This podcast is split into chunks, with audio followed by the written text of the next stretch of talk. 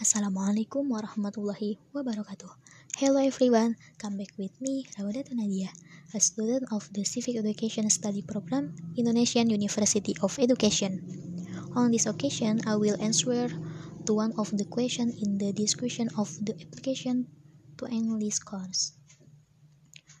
One of the challenges in realizing young generation who are smart and good citizens is the weakening of character values in the younger generation itself, which is marked by the abuse of narcotics, brawls, criminal age, etc.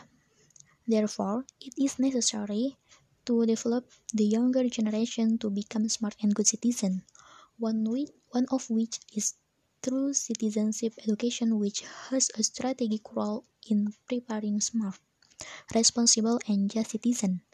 Winata Putra explained that citizenship education has three missions. First, the socio-pedagogical mission means developing the potential of an individual as a person of God Almighty and a social being to become an intelligent, democratic, law-abiding, civilized and religious Indonesian citizen.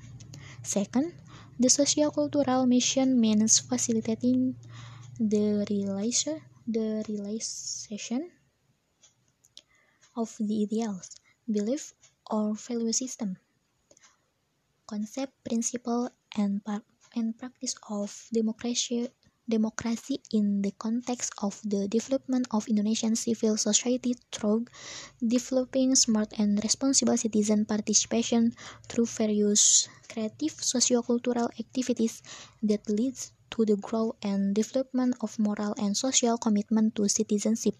And third, the substantive academic mission means developing a structure or body of knowledge or a constellative spectrum of citizenship education, including concept, principle, and generalization about and relate to civic virtue and civic culture through research and development activities.